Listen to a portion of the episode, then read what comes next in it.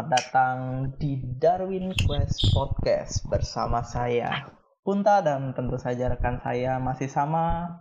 Hah? Yo yo yo. Yo yo yo. Ini kita bahas apa Mif? Nah, yang ekstrim ekstrim lah, radikal Oh, ini. Es krim. Berarti kita bahas mikroorganisme yang radikal. Iya, radikal ini. Pemahamannya beda dengan mikroorganisme lainnya ini. ekstrim ya, ekstrim, ekstrem. Iya, paham, paham ekstrim ini. Entah paham barat laut apa timur tengah ini. Waduh, bakteri radikal, mikroorganisme ekstermopil, yang dari katanya ekstermopil itu ekstermus, ekstrim, dan pilia, Fil, filia. Ah, itu artinya suka. suka, suka yang ekstrim-ekstrim gitu ya. Olahraganya skydiving gitu ya.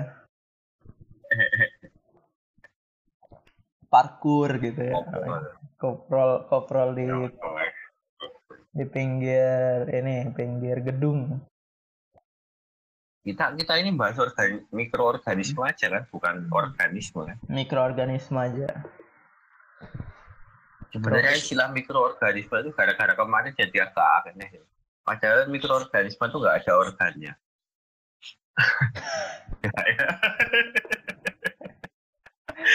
Ya ada, kan tetap dibilang organel. Mif. oh, channel ya. Iya, organ toh berarti organ sel. Kan sel. organel sel. Gimana ya?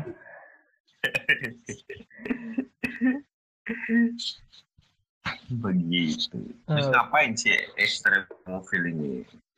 Termofil itu tuh ya mikroorganisme yang sukanya tuh hidup di lingkungan-lingkungan ekstrim. Kenapa tuh dia hidup di lingkungan ekstrim? Ya Kenapa nggak aja itu. lingkungan normal aja gitu kan? Memang dia abnormal aja, gitu. Dia udah beradaptasi, menyesuaikan diri dengan lingkungan-lingkungan yang ekstrim. Oh iya, itu berarti perspektif ya. Lingkungan normalnya dia tuh itu. Iya, malah di, di- mereka mikirnya lingkungan kita nih ekstrim. iya. Lingkungan kita ekstrim. Berarti kita bisa masuk ekstremofil di perspektifnya ekstremofil ya. Eh, nah, eh, apa mikroorganisme ekstermofil itu beda dengan yang apa namanya Apa? eh yang dia cuman bisa bertahan kayak gitu. Tolerannya berarti. Iya, bukan toleran ya, bukan makhluk hidup. Ya, apa mikroorganisme misalnya kalau yang temperatur tuh termotoleran gitu. Kan. Itu emang hidupnya di situ kan. Mm-mm, Ekstermofil itu kondisi optimal dia tumbuh tuh memang segitu di di kondisi itu.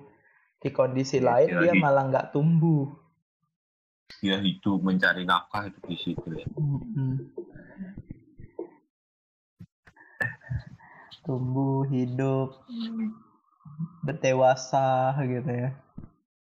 Eh, Berkembang biak beranak pinak sampai cucu-cucu. Yes. Kita ngapain dulu ini? Ken- Kenapa kita bahas ini? Pentingnya apa sih? Saja itu. Apa enggak penting-penting amat? Eh, sebenarnya dibilang penting juga penting, dibilang nggak penting juga nggak penting. Pentingnya bahas Apa? Apa ini pentingnya? tuh untuk mencari eh, eh, keguna eh, apa aplikasi-aplikasi yang dapat di abuse manusia untuk kebutuhan manusia di masa depan. Lebih ke untuk penerapannya di industri sih kalau ini. Pem- pemanfaatan eh, kemampuan adaptasinya mikroorganisme ini untuk kondisi ekstrim saat industri manufaktur kayak gitu.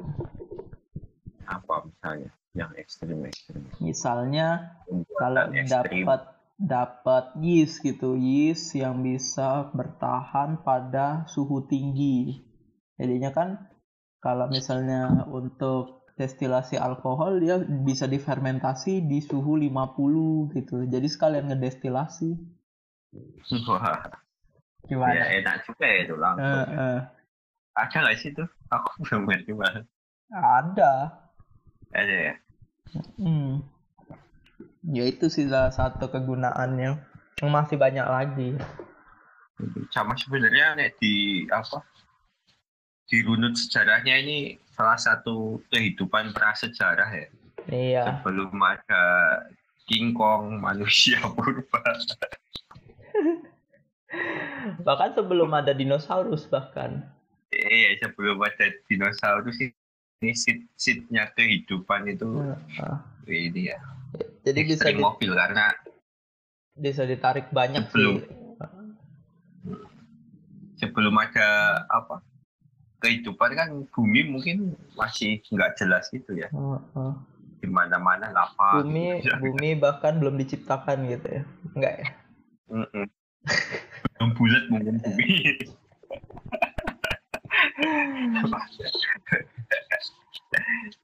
gitu Oke.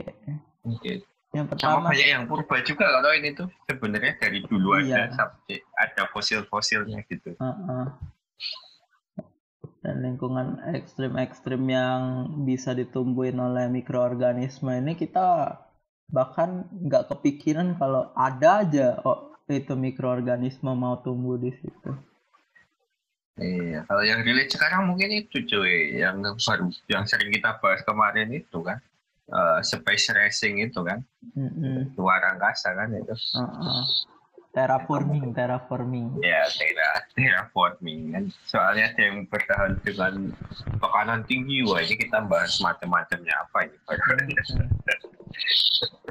Kanan tinggi, suhu tinggi. Darah tinggi. Gara-gara ngebahas itu jadi bikin darah tinggi.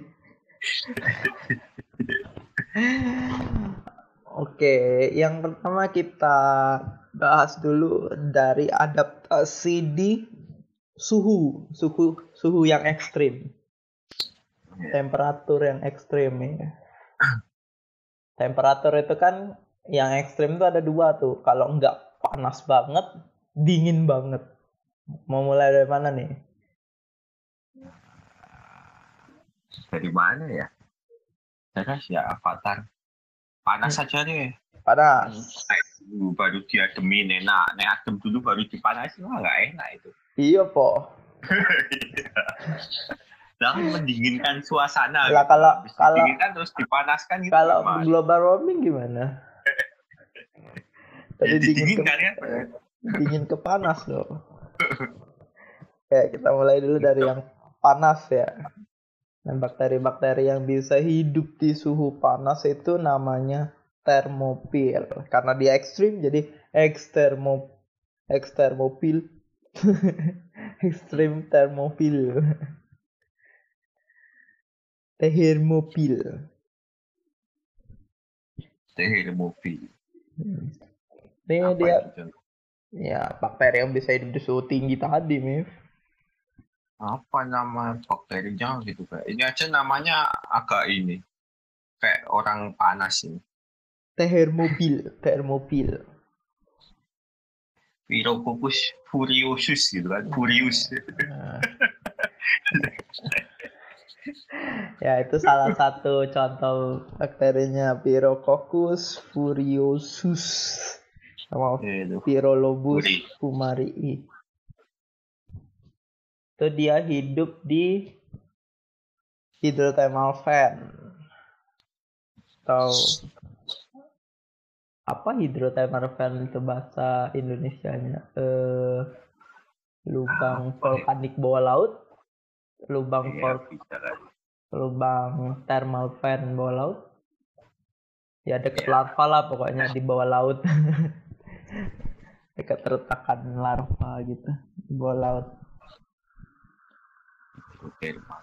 Bawah laut bawah laut itu banyak lingkungan ekstrim juga ya. Hmm.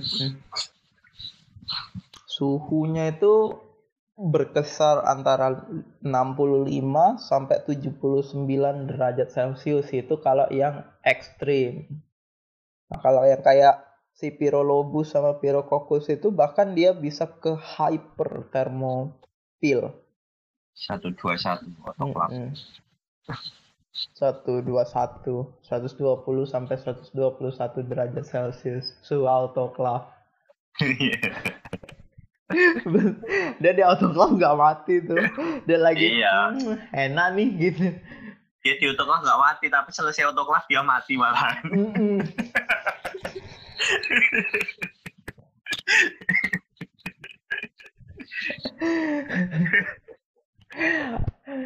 Itu kalau kalau mau nyeteril bakteri ini malah nggak bisa dibikin suhunya ini ya suhunya terlalu segitu.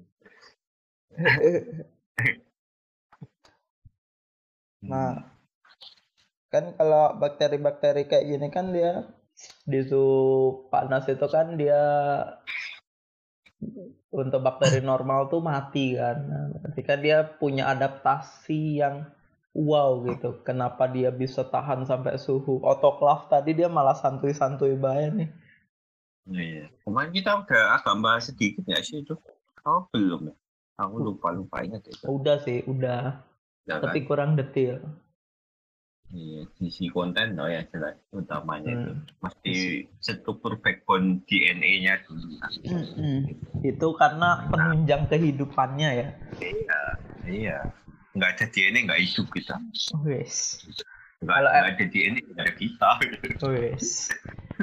Kalau RNA doang, ntar kita jadi virus. Iya. itu kan ini ababil Mm-mm. hidup kakak mati kakak. Kenapa MIF GC kontennya harus tinggi tuh? Iya kan ikatan backbone DNA yang paling kuat kan DC kan Nah, tiga ini lah benar. Tiga jadi kan kenceng gitu kan jadi Hmm. kebanyakan strukturnya rigid kan kalau yang ini Mm-mm. yang temperatur tinggi kebalikannya sama yang rendah nanti Hmm, Jadi dia bahkan di suhu tinggi pun itu si DNA-nya itu nggak nggak memisah jadi sendiri-sendiri. Jadi tetap Iya. dalam posisi DNA yang oke gitu. Nggak rusak gitu ya maksudnya. Eh, itu isolasinya susah itu mesti ya Hmm. DNA. Kan ada ini yang hyper hyper PCR itu kan ada. eh harus khusus Hmm, terus ada protein konten. Protein konten itu juga eh, berbeda dari mikroorganisme yang normal-normal. Dia ini edgy gitu lah, edgy banget ya. Kalau bakteri-bakteri ekstermofil nih. Kalau dia untuk pertahanan dia dalam suhu tinggi, dia eh, proteinnya itu banyak apa disul disulfid backbone bondingnya itu proteinnya itu banyak apa ikatan sulfur supaya si proteinnya itu bisa tetap menjaga keutuhan keutuhannya sebagai protein fungsional. Jadi nggak oh Tuhannya nggak denaturasi. Terus ionic interaction antar apa namanya antar asam amino penyusun proteinnya itu juga kuat. Jadi dia walaupun di suhu tinggi pun nggak denaturasi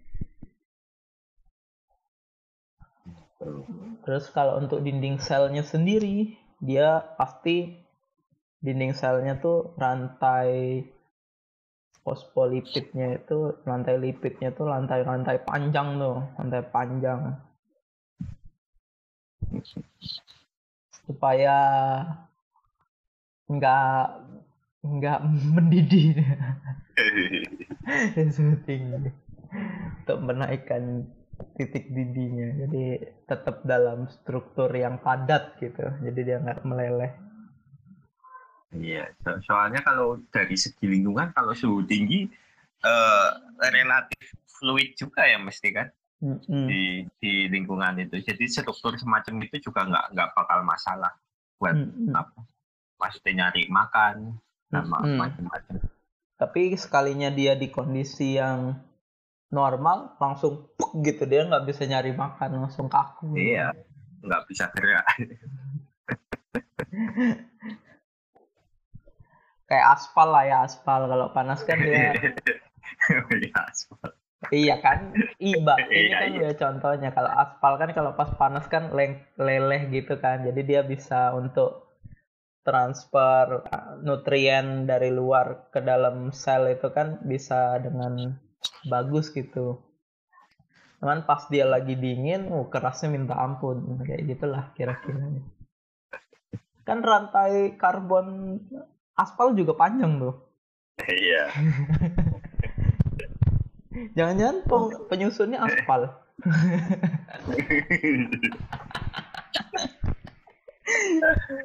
Wah, mikroorganisme aspal.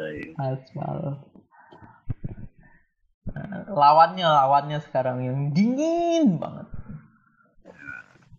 Kalau kalau dingin itu ya itu kebalikannya tadi. Kalau dari segi lingkungan itu kalau beku gitu ya susah itu. Hmm. Kalau tadi ditaruh di lingkungan beku ya udah diem aja itu mesti. Mm-mm. Nah, Nggak bisa nyelip-nyelip. Ngobrol-ngobrol gitu nggak bisa.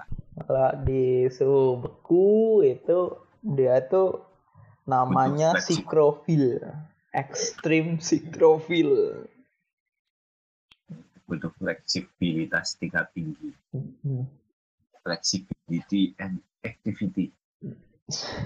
Bahkan dia bisa sampai di suhu minus 25 derajat Celcius. Di Eskimo bawah dia. itu ada Eskimo. di bawah itu Kalau di ada. bawah, di bawah itu mungkin tolerannya aja kali ya cuma Ah, ah. susah Oh. ini lagi tuh mobilnya susah di bawah itu. Mm-mm. Karena itu nutriennya yang susah mobile, bukan dianya lagi. Iya, susah dapat tuh kan. Hmm. Itu diem menunggu agak naik sedikit lagi. Itu eh, biasanya hidupnya contoh lingkungannya itu di lapisan es. Itu kan dingin tuh. Cool, Dingin banget. Cool, cooling, cooles. Nah, adaptasinya itu kebalikan dari si ininya tadi, si yang panas tadi. Di situ. Dia malah rantai rantai lipidnya itu yang pendek-pendek dan ber- punya ini, punya ikatan rangkap supaya dia lebih lebih eh, titik titik kebakarannya itu lebih ini titik. Titik apa? Titik bekunya jadi lebih rendah lagi. Jadi dia nggak nggak membeku pada suhu dingin gitu.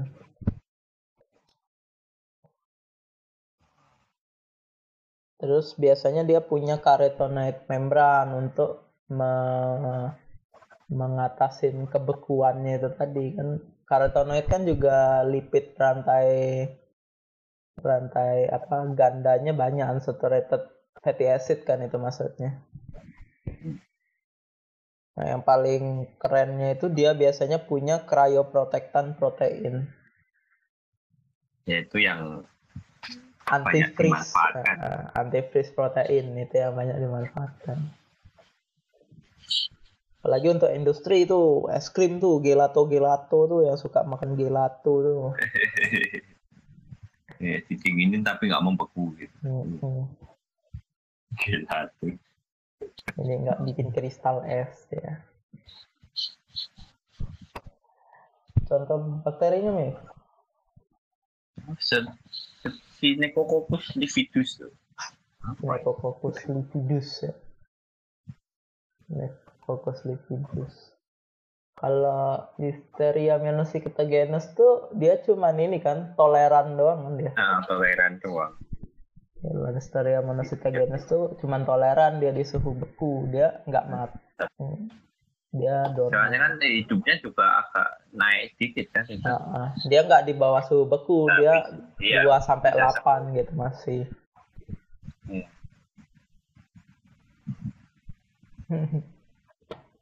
Iya. Kalau nge-sterilin si ini si ini tinggal dipanasin pakai air dispenser aja mati dia berarti ya. Iya, udah pasti mati. Ada. Terus kondisi ekstrim lagi yang yang bisa kita temukan. Kondisi pH. Asam dan basa. Asam tuh kalau dia berkaitan dengan pH asam itu namanya asidopil. Asidopil. Ini ini sebenarnya kalau yang asam-asam gitu kayaknya multi ini ya. Multi ekstremofil gitu gak sih? Bukan itu itu temperatur juga multi nih nantinya. Oh iya sih. Kan yang di hydrothermal vent itu kan udah dalam kondisi asam, tekanan tinggi. Tekanan tinggi, panas tinggi. Beberapa beberapa Demam berdarah dia ternyata. Ekstrimnya beberapa langsung gitu. Demam tinggi, tekanan tinggi itu sih pokoknya itu sih kaitannya soalnya adaptability-nya terkait itu cara makannya dia gimana nutrisi, hmm, nutrisi. availability-nya itu. Nanti itu kita bahas contoh bakterinya kita bahas lebih dalam. Tapi ini kan kita kenalan dulu nih sama si ekstremofil oh, iya. ekstremofil ini. pH. Kalau pH itu kalau kondisi yang ekstrim asam itu pH-nya itu di bawah 2 bahkan sampai 0, pH-nya itu. 0, biasanya tuh ada di uh, volcanic spring atau mata air. Mata air panas. Volkanik. Apa ya itu ya apa volcanic spring itu apa bahasa Indonesia ini? Ya tahu. Mata air panas volkanik lah ya. Iya. Sama jalur buangan limbah Hambang. Yaitu asem-asem itu yang dipakai asem-asem kok. buangan limbah tambang. Nah, itu sistem adaptasinya itu kan cukup berbeda tuh sistem adaptasinya untuk asam itu kan berbeda dengan panas tadi. Kalau asam itu kan nanti eh, lebih ke pertukaran proton ya. Iya. Karena yang jenuh di asam itu kan H plusnya kan, H plus, H plus, H plus, H plus gitu kan. Sampai hopeless itu gitu. juga. Oh. Itu paling paling terkait juga protein kan. Hmm, nah, itu di yeah. asam sama apa sih itu dia harus Protein. bisa ngemompa protonnya itu keluar dari sel dengan efektif kalau enggak nanti yang pembentukan energi dan yang lain-lain itu bakal terhambat kan? Iya bisa ini karena apa?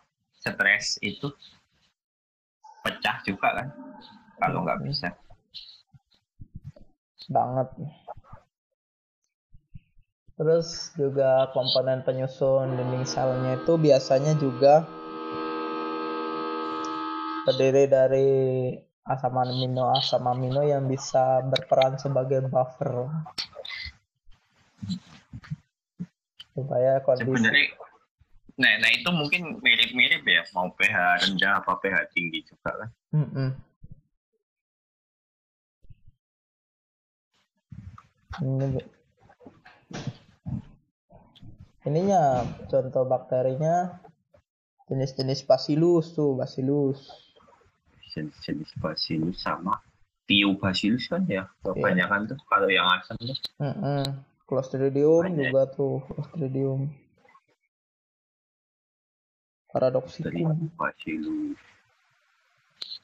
oh, bacillus itu kayaknya di bahasa juga ada deh Bacillus tuh ada di mana-mana. Kalau soalnya soalnya itu nama, nama bakteri awal-awal itu asal bentuknya basil itu bacillus dulu.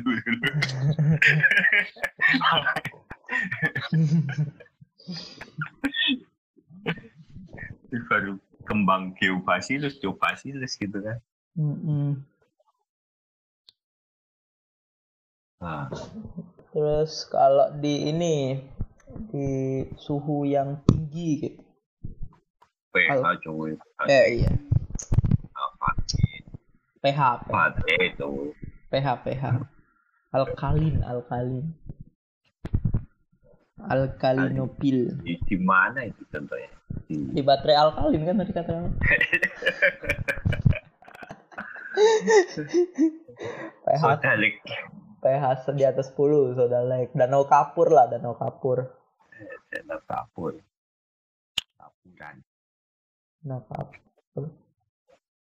Danau-danau yang kayak gitu. Kalau ini adaptasinya sama ya. Ah, kalau ini adaptasinya lebih dia kan Tarik malah jadi. Ah, ah, kalau kalau di kondisi yang basah kayak gini kan eh, nutrien tuh biasanya terikat kan. Jadi dia adaptasinya tuh dia bisa ngasilin as- acid yang untuk ngelepas ikatan nutrien-nutrien yang dia butuhin supaya nggak terjerap di entah di batuan atau di basahnya itu untuk basahnya. Nah, biasanya punya eh, apa lapisan dinding sel yang punya polimer yang asam gitu. Konter. Macam nano-nano gitu lah ya. Nanu nanu. Asam juga kan. Eh, asam Jawa. Hmm. Ini apa ini contoh bakteri? Bakteri, Vibrio itu aja. ya. Vibrio, Artobacter, Kalau dulu itu apa sih kita pernah bahas itu Spirochaeta ya? Spirochaeta. Terus ini apa sih? Aku malah lupa bakteri yang aku bahas waktu itu apa. Apa? Lupa. Ya lupa mes namanya juga lupa. Wah, namanya lupa gimana? Nama bakteri lupa. Dia tuh bahkan dalam kondisi tercemar logam arsen ya kan, dia bisa hidup. Waktu itu belum dinamain coy. Bener aku tuh. Hmm. Ah, coba apa dong? coba. Jadi banca ibu.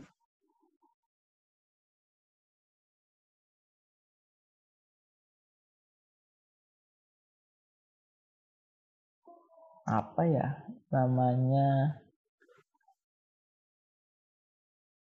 Masih belum belum dinamain.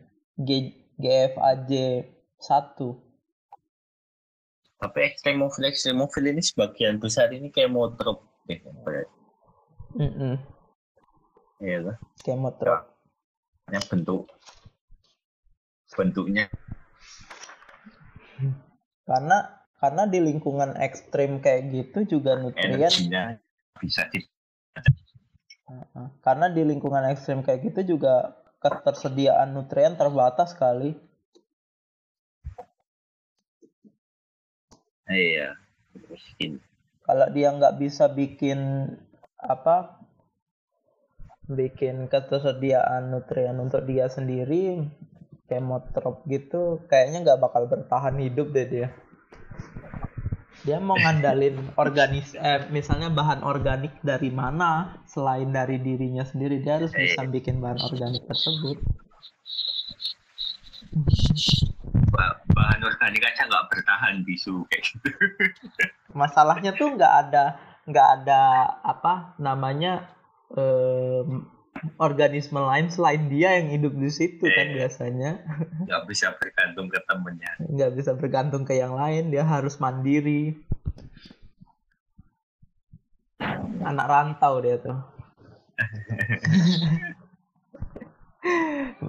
merantau dari apa lingkungan yang BB aja ke lingkungan ekstrim dia tapi ada keuntungan tersendiri tahu mereka beradaptasi untuk lingkungan-lingkungan yang ekstrim kayak gitu Apa? mereka nggak dikejar pemangsa Nggak ada Oh. predatornya Pemangsanya nggak ada. Jadi mereka Enggak bisa hidup tenang-tenang aja gitu. Jadi itu juga hidupnya damai gitu. hidupnya damai. Jadi dia nggak perlu energi source yang terlalu gede untuk hidup gitu. Nggak perlu dikejar-kejar rasa takut gitu kan dia. Tapi hidupnya slow juga berarti. Ya slow bro. Slow gitu. Jadi pertumbuhannya juga ya slow gitu ya. Makan nggak makan. Yang penting kumpul gitu ya itu kayaknya nggak mikir kiamat juga deh kayaknya ya Nah, kalau kalau ngomong kiamat ini ada deh kondisi yang ekstrim yang lain namanya radiasi. Wes. apa hubungannya radiasi sama kiamat? Kan kalau radia kan katanya yang bikin nanti kiamat itu perang dunia ketiga gitu kan. oh iya ini radioaktif ya Radioaktif. radioaktif Hmm. Dan perang dunia ketiga tuh udah karena pakai nuklir-nuklir semua gitu kiamatnya manusia itu nantinya. Nah itu dia bisa bertahan dari radiasi ion itu sampai 1500 sampai 6000 GY. Apa sih tingkatannya GY aku malah lupa. nah, aku juga gray unit Gray unit. Ya, manusia tuh cuman bisa bertahan dari 5 gray unit kan? iya itu apa nah, yang di filmnya PU 239 tuh muntah-muntah itu Mm-mm. plutonium itu kalau kelebihan Kita tuh cuman bisa bertahan da sebanyak 5 maksimal 5 G unit. Di atas itu kita mati. Terus radiasi yang lain tuh radiasi UV ya, radiasi UV itu 5000 joule per meter persegi. Nah, adaptasinya tuh mau radiasi UV, mau radiasi nuklir kayak gitu, ininya dia tuh bisa meri dia punya mekanisme merepair DNA dia supaya nggak rusak gitu. Eh, dan itu cepat Dan itu cepat. Mekanisme perbaikan Uh, uh. Nah kan buat Dirusakan, buat dirusakan, yang- nggak tahu tuh umumnya itu radiasi itu langsung nyerang ke untayan DNA. Jadi ya, biasanya langsung kepotong-potong gitu. Jadi mekanisme yang harus dia lakukan pertama kali adalah gimana dia nge-repair tapi tanpa mengubah susunan DNA dia. Jadi ingatan DNA-nya tuh tetap sama terus gitu. Jadi nggak terjadi mutasi. Jadi tetap fungsional itu. Gitu.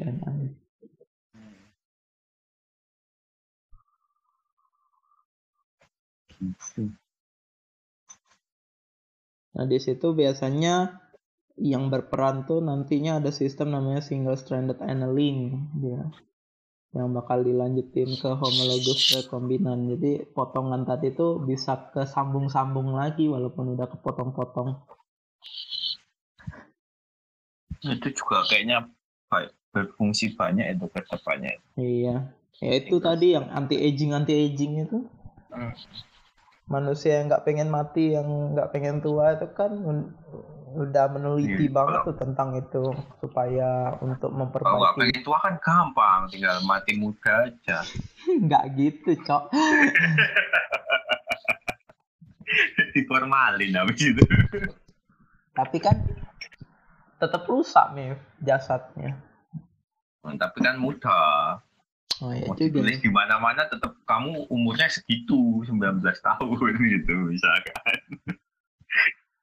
Terus yang mempengaruhi itu lagi tuh radiasi itu untuk menahan radiasi itu biasanya dia punya karotenoid untuk antioksidan gitu. Biasanya tuh juga kompleks manganis kompleks gitu jadi dia punya kemampuan untuk nge-repair si DNA-nya tadi. Ya kuncinya si repair itu.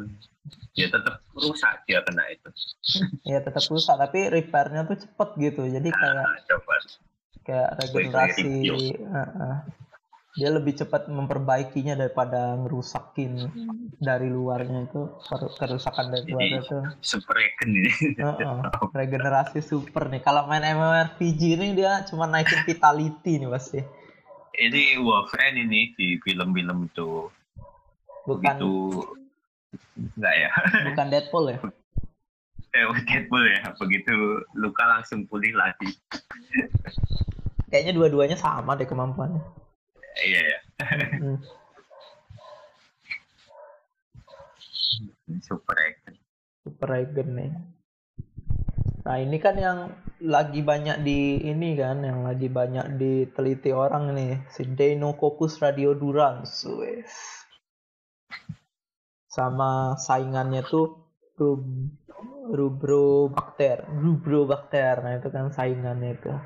Dia bisa bertahan. Saingan. Ya kan cuma dua itu yang kuat-kuatan sama radiasi. Iya. Tapi kan mereka nggak bersaing. Kita yang bikin dia bersaing. kan kita manusia kan suka-suka banget.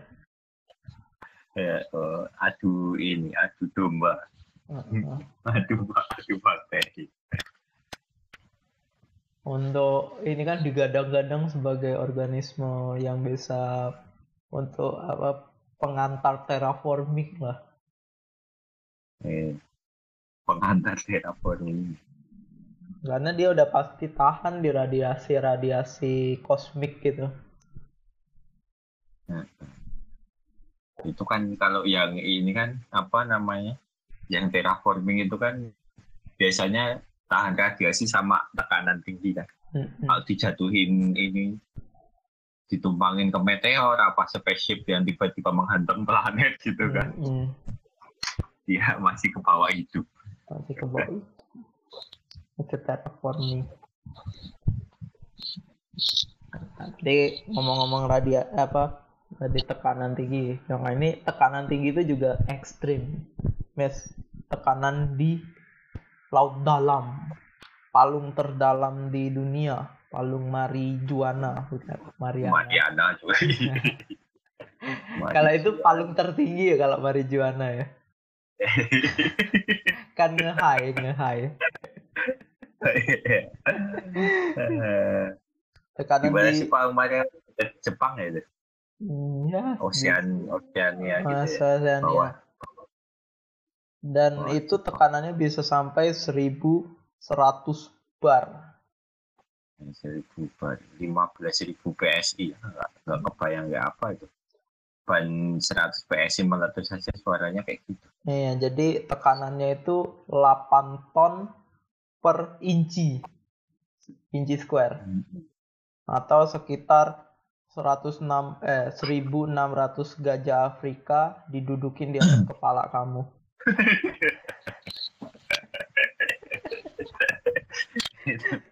itu kayak istilah tembakau gorila itu.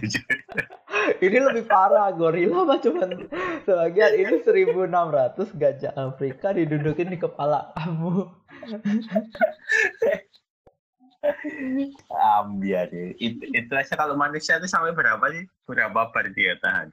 Nggak tahu aku. Yang jelas itu eh, apa tekanan autoklav itu eh, 1, berapa bar. Iya. Dan kemarin ada kasus apa namanya kapal selam itu kan? Kapal selam bocor itu kan? Oh, yang ini TNI itu ya. Iya TNI itu kan kalau apa kemungkinan selamatnya kalau dia apa udah di dalam gitu bahkan dia bisa keluar aja kan kecil banget kemungkinan selamatnya Benar. di kapal selam itu. Kalau ini untuk tekanan tinggi ini dia malah harus eh, dinding selnya tuh harus lunak banget, harus benar-benar fluid gitu. Jadi pas di tekanan tinggi dia malah padat gitu kan. Iya. Berarti biasanya dia terdiri dari monosaturated gitu. Apa jadi dari unsaturated banget gitu. Jadi pas pas dipadetin itu dia masih tetap bisa untuk transfer nutrien ke dalam sel. Coba kalau dia benar-benar padat gitu kan. kalau dia kayak biasa Nah ini kalau ini di luar dari dari ini apa dari bakteri. Kalau bakteri mungkin nggak bisa kita lihat lah ya contoh ini. Kalau kayak hewan itu ada tuh yang ikan terjelek di dunia yang bentuknya kayak muka orang jelek itu loh.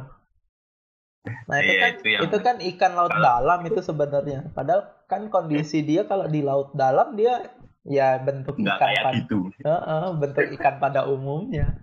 Tapi karena dia dia dibawa ke laut eh ke tekanan normal, jadinya ya belebeh dianya. karena nggak ada yang neken lagi. Eh, padahal itu mungkin pipis gitu kan kalau di laut dalam Mm-mm. Nah, Pas Dia jelek itu, banget. eh, dia jelek banget. banget. Karena nggak ada yang neken ke bentuknya itu ngepresin bentuknya itu biar bentuknya tetap ikan yang normal-normal aja. Kalau bakteri ya mungkin juga kayak gitu. Kalau dibawa ke ini ke tekanan normal mungkin jadinya kayak slime-slime biasa gitu ya. Heeh. Jadi jadi slime di laut dalam kecil tiba-tiba jadi wah bakteri slime ini Cah. Terus ini mungkin contoh paling ya contoh lingkungan ekstrim yang umum yang terakhir lah ya. Lingkungan kadar garam tinggi, penggaraman kadar garam tinggi. Kadar garam tinggi itu seberapa sih? 30 di persen. atas lima persen itu udah tinggi cuy 30 persen itu tinggi banget Halo, halo bakter kan bisa sampai setinggi itu. Iya, iya emang. Tapi kan hitungan ekstrimnya sebelum itu udah ekstrim kan. Heeh, jadi Di dia atas 10%. Jadi dia di Eh, ikan asin tuh masih bisa tumbuh ya. iya. dia diasinin dia masih tumbuh. dia diasinin nggak ikut asin itu mesti. Soalnya dia bisa bisa merepel. ya. Kalau asin ini tuh lebih hampir sama kayak ini ya, sama kayak dia pertahanan pH ya, dia harus bisa menyeimbangkan ion kan. Rendah water availability-nya. Agar yang jelas tuh dia harus kalau kalau salinitas itu eh, lebih ke nantinya ke tekanan osmosis juga kan. Jadi dia harus bisa Iya. menjaga air di dalam sel dia, cairan di dalam sel dia agar tidak keluar ke Ya. konsentrasi yang lebih pekat di luar tubuhnya gitu. Ini lebih ke kayak pH rendah gitu ya kayaknya berarti kan. Kayak kekeringan Nah, sih, iya. jadi sama kayak kekeringan sih mekanismenya. Biar nggak ditarik keluar kan intinya. Nah, intinya cairan Dalam cairan dalemannya. cairan dalemannya nggak ketarik keluar.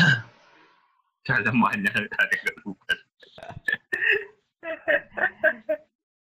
yang iya bener apa istilahnya yang Iya iya.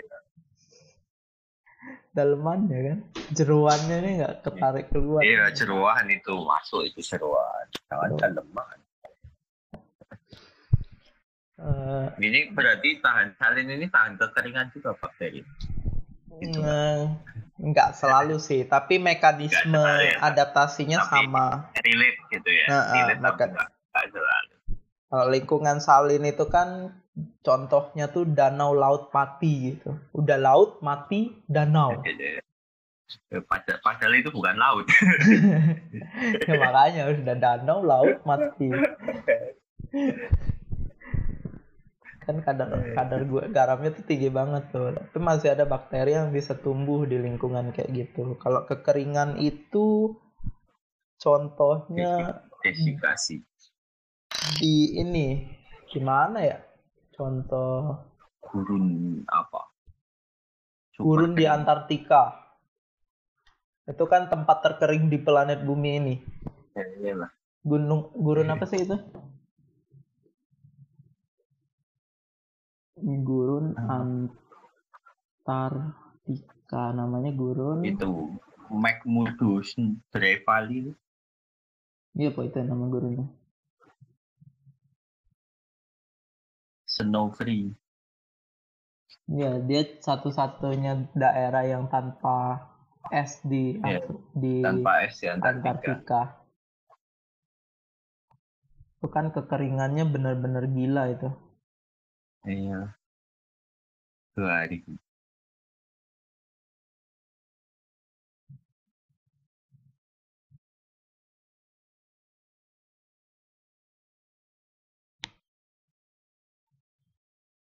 Hmm. Kering-keringnya kering gitu ya. Kering-keringnya. Di situ banyak es, tapi es itu kan kering. Kalau Iya. karena nggak nggak airnya tuh nggak tersedia kan, airnya beku. Nggak available. Airnya banyak tapi nggak available. Iya, airnya beku. Air sudah dekat, emang dekat, tapi Iya. nggak bisa dipakai.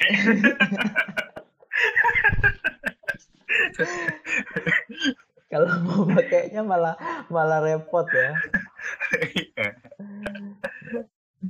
Mana curah hujannya rendah lagi ya.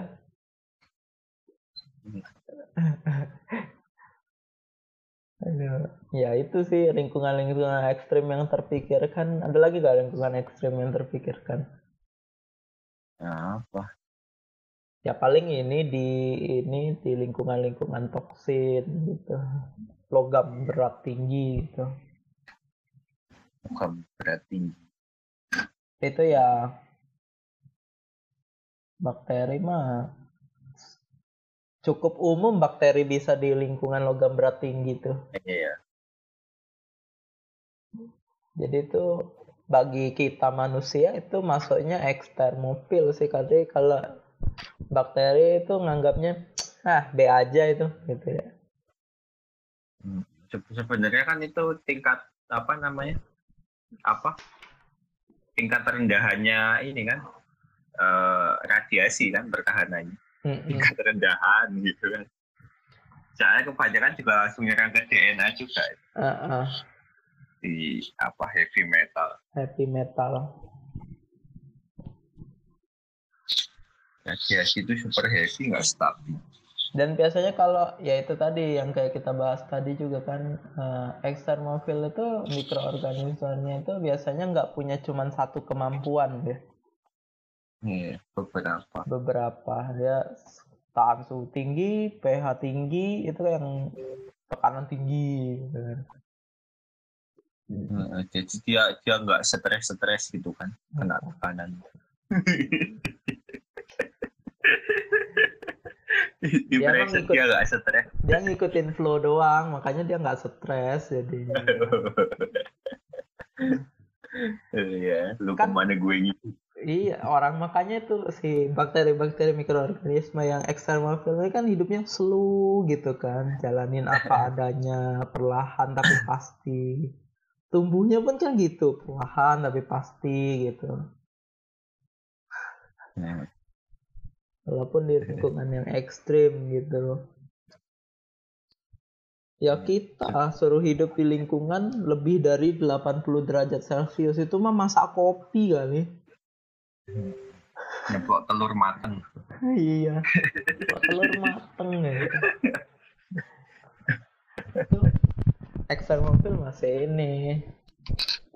Ya itu eh, kegunaannya banyak kayak tadi salah satunya untuk industri kayak tadi. Terus enzim-enzim dari misalnya ya bakteri-bakteri yang punya tingkat ketahanan asam yang tinggi gitu. Jadi bisa digunakan untuk proses pengolahan budek burem ya. Eh. Budak buram. Kayaknya kayaknya beberapa bakteri bakal berperan penting itu buat budak buram tuh kayak. Biodegradasi, habis. bioremediasi. Eh, Oh, apalagi habis perang nuklir besok. Kayak kalau terjadi. Kalau itu kayak kayaknya kita nggak sempat ngebudek burem deh. Kita udah sempet ya. manusianya udah tiada ya. Ya, tapi kan tetap diremediasi sama ini bakteri-bakteri ini walaupun Jadi- kita sudah tiada. Ngulang lagi ya ini reset Iya. ya. Yes. Direset ke ke setelan pabrik ya. Reset ke setelan pabrik. itu kayak kayak negara bangkrut aja di default. Reset ke setelan pabrik jadinya. Eh, apalagi cuy. Apalagi ya? Memang ekstermofil itu tadi kita udah panjang lebar itu tentang ekstermofil. Ya, lebat.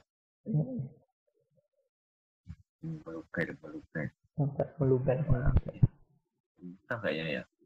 Kayaknya Meluber. sih itu. Kalau pemanfaatannya tadi sudah juga. Konspirasinya nggak ada. Konspirasi bakteri ekstermofil ini. Hmm, Bahwa dia apa gitu. bahwa dia Tahu.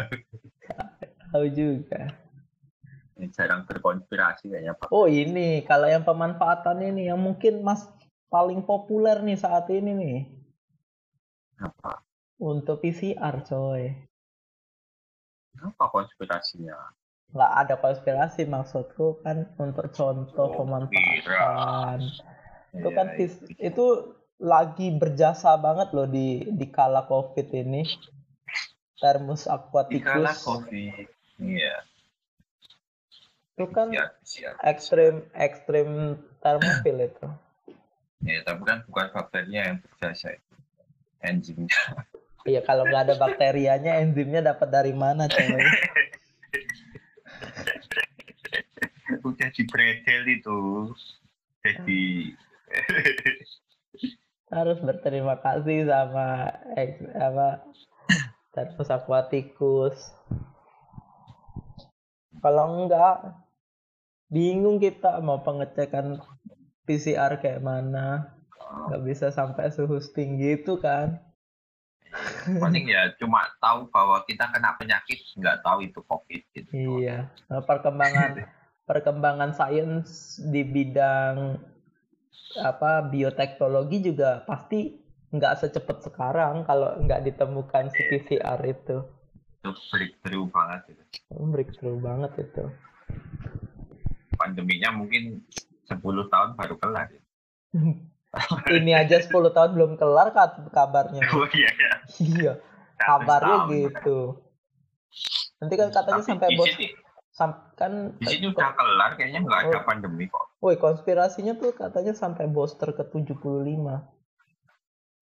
Apa booster ke 75?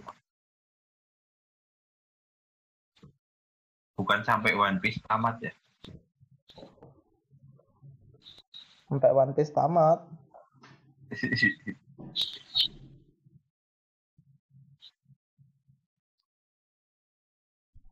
Hmm, kayaknya udah semua ya tentang itu. Ya, kalaupun ada yang kelewat, ya kita mungkin bikin bahasan yang lebih penyempitan lagi gitu.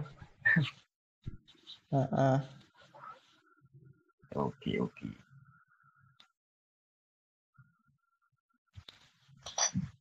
Oke coy. sudah. Sudah. Udah. Oh, udah lah ngapain lagi. Oke. Udah sejam kok. Oke, kalau gitu eh terima kasih sudah mendengarkan Darwin Quest Podcast episode kali ini yang membahas tentang ekstrim mofil, ekstremofil mikroorganisme.